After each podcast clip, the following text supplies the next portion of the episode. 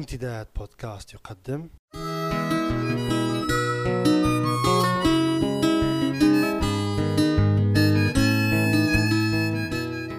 رسالة من لندن.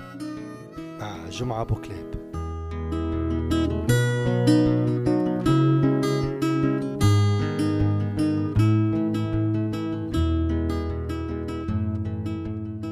شدها مول الشريول.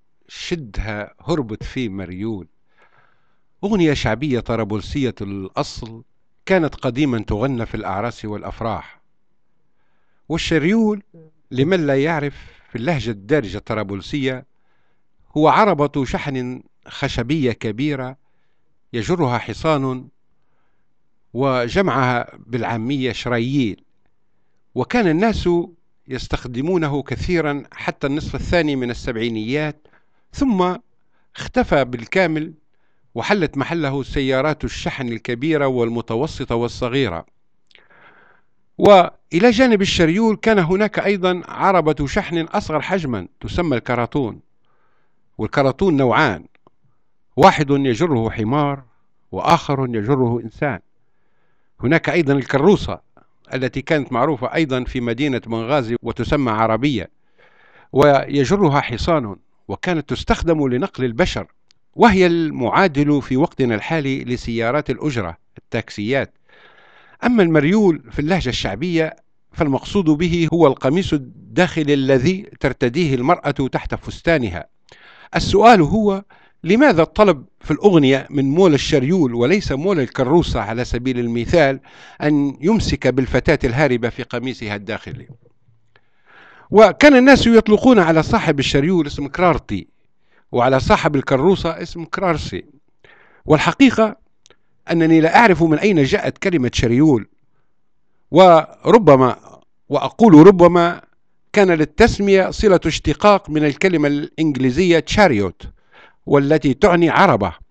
ووردت الكلمة في الإنجيل كما استخدمها الشاعر الإنجليزي الرومانسي ويليام بليك في قصيدته المشهورة المسماة جيروسالم وفي بداية الثمانينيات من القرن الماضي ظهر شريط سينمائي بريطاني حظي بشهرة كبيرة وجوائز عديدة عنوانه باللغة الإنجليزية Chariots of Fire وترجمتها عربات النار. والله أعلم. لكن الشريول كان مفردا من مفردات الواقع الليبي في طرابلس في مرحلة ما قبل النفط ولعب دورا مهما في الحياة العامة وكانت هناك مواقف خاصة بالشرييل أمام الميناء وفي سوق التلات والباب الجديد وسوق الجمعة حيث يستأجرها الناس لنقل البضائع. وأتذكر أن عائلتي قطنت في فترة ما بين عام 1962 و 1963 في منطقة زاوية الدهماني لمدة لا تتجاوز السنة. وكنت يوميا أشاهد عربات الشرييل والكراريس تحدر في الصباح الباكر لطرابلس قادمة من جهة جامع بن جابر وربما من مناطق أبعد مثل سوق الجمعة وغيرها من المناطق المجاورة. وقد انعكس تواجد الشرييل في الحياة العامة كثيرا وظهر في العديد من الاستخدامات الحياتية ومن ضمنها الأغنية المذكورة آنفا وكذلك في الأمثال الشعبية على ما أعلم. وكان الناس الفقراء في طرابلس يستخدمون الشريول أيضا كوسيلة نقل في الأعراس بدلا من الكروسة حيث يتم نقل العروس وأقاربها في الشراييل إلى حوش العريس في حين أن الميسورين منهم كانوا يستخدمون الكراريس إلى أن قام الشيخ العلامة علي سيالة رحمه الله بتزويج كريمته واستأجر الشراييل قصدا لنقلها إلى بيت الزوجية وأراد بذلك تيسير الأمور على الناس الفقراء لأنه شيخ وعلامة ومصلح ومن أسرة ميسورة الحال. وكان بإمكانه استئجار كل ما في طرابلس من كراريس إلا أنه أراد أن يكون قدوة يقتدي به الناس من ضعاف الحال ولا يعسرون على أنفسهم باستئجار الكراريس ومنذ ذلك اليوم صار الناس الفقراء يستخدمون الشراييل براحة نفسية في الأعراس وبدون حرج. وقد سمعت بهذه الحادثة من الشيخ سليمان حمزة في السبعينيات حيث حين كان يعمل خطيبا للجمعة بجامع درغوت بالمدينة القديمة. ويوجد في طرابلس مسجد أوقات صغير في أول شارع عمر بن العاص المعروف شعبيا باسم شارع الوادي في منتصف المسافة بين سينما الحمراء وسينما لوكس معروف باسم جامع سيالة سمي عن مرحوم الشيخ علي سيالة. كما توجد مدرسة ثانوية للبنات بمنطقة الدامر بزاوية الدهماني أطلق عليها اسم مدرسة علي سيالة الثانوية. كان الشيخ سيالة رحمه الله رجلا مصلحا وتربويا كبيرا يستخدم المساجد والمدارس والمناسبات في تثقيف وتوعية الناس وفي سبيل أداء رسالته. وقد التجأ إلى كتابة الأشعار والأغاني باللغة العربية المبسطة وباللهجة الطرابلسية الدارجة ومن أشهر أشعاره المغناة التي كتبها باللغة العربية القصيدة التي تحث على حب العلم والتعلم. ويقول مطلعها العلم مغنم وإلى المعالي سلم يا صاحبي تعلم واغنم مجد العارفين. كما اشتهر من أغانيه التي كتبها بالعامية الأغنية المشهورة التي تقول كلماتها حادي ولاد البيت وامشي معاهم يعزوك وقت المصلحة تلقاهم. في المصلحة تجدهم كان دبروا نصحوك ما تعاندهم ويلزم عليك في كل شيء تنشدهم تكون فيه هنا كانك تحوز رضاهم. حادي ولاد البيت وامشي معاهم.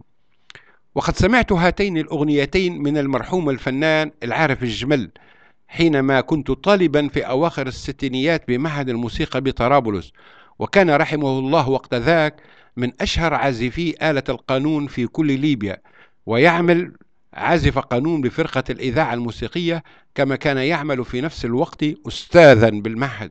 كان الشيخ المرحوم سيالة من المشايخ المستنيرين الذين أخذوا على عاتقهم تثقيف وتوعية الناس بأمور دينهم ودنياهم. وكان رجلا محترما محبوبا من الناس لدماثة خلقه وحسن أدبه وكرمه وبشاشته وكرس حياته لإفهام الناس شعائر دينهم الحنيف بالكلمة الطيبة والحكمة والموعظة الحسنة والقدوة الصالحة فاكتسب حبهم وتقديرهم واحترامهم. وما دعاني للحديث عن شيخنا الموقر السيالة رحمه الله هو الحالة التي نرى عليها في زماننا هذا العديد ممن كرسوا أنفسهم للدعوة لدين الله وما ينتهجونه من أساليب في دعواتهم تفتقر للحكمة والموعظة الحسنة مما أكسبهم نفور الناس كنتيجة متوقعة وطبيعية لغلظة سلوكهم ولغرابة هيئاتهم وأطوارهم وتجهم ملامحهم ولا مبالاتهم بالحرص على أن يكونوا قدوات صالحة يقتدي بهم الناس في تعاملهم مع أمور دينهم وأمور دنياهم. وحتى نلتقي مجددا أتمنى لجميع المستمعين قضاء أوقات هانية في أوطان يخيم عليها التسامح والقبول في النفوس والمحبة في الله والصفاء في القلوب. فرجها المولى يفرجها يفرجها المولى يفرجها يفرجها يفرجها والمكسورة يعالجها.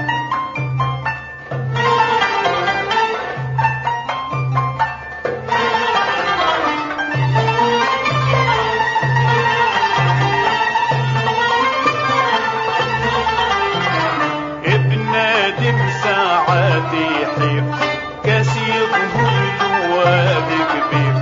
ابن آدم ساعات يحير كثير الواد كبير. وقت يشوف أيام الخير. وقت يشوف أيام الخير.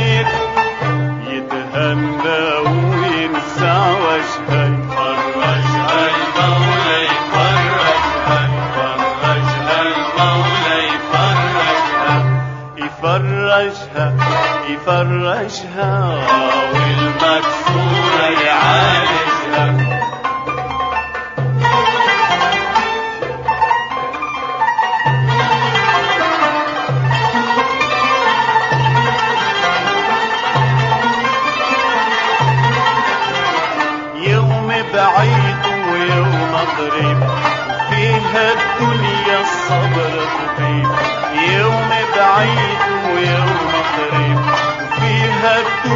الصبر طبيب وقاصد المولى ما يخيب وقاصد المولى ما يخيب هو اللي يعرف منهجها فرجها المولى يفرجها فرجها المولى يفرجها يفرجها يفرجها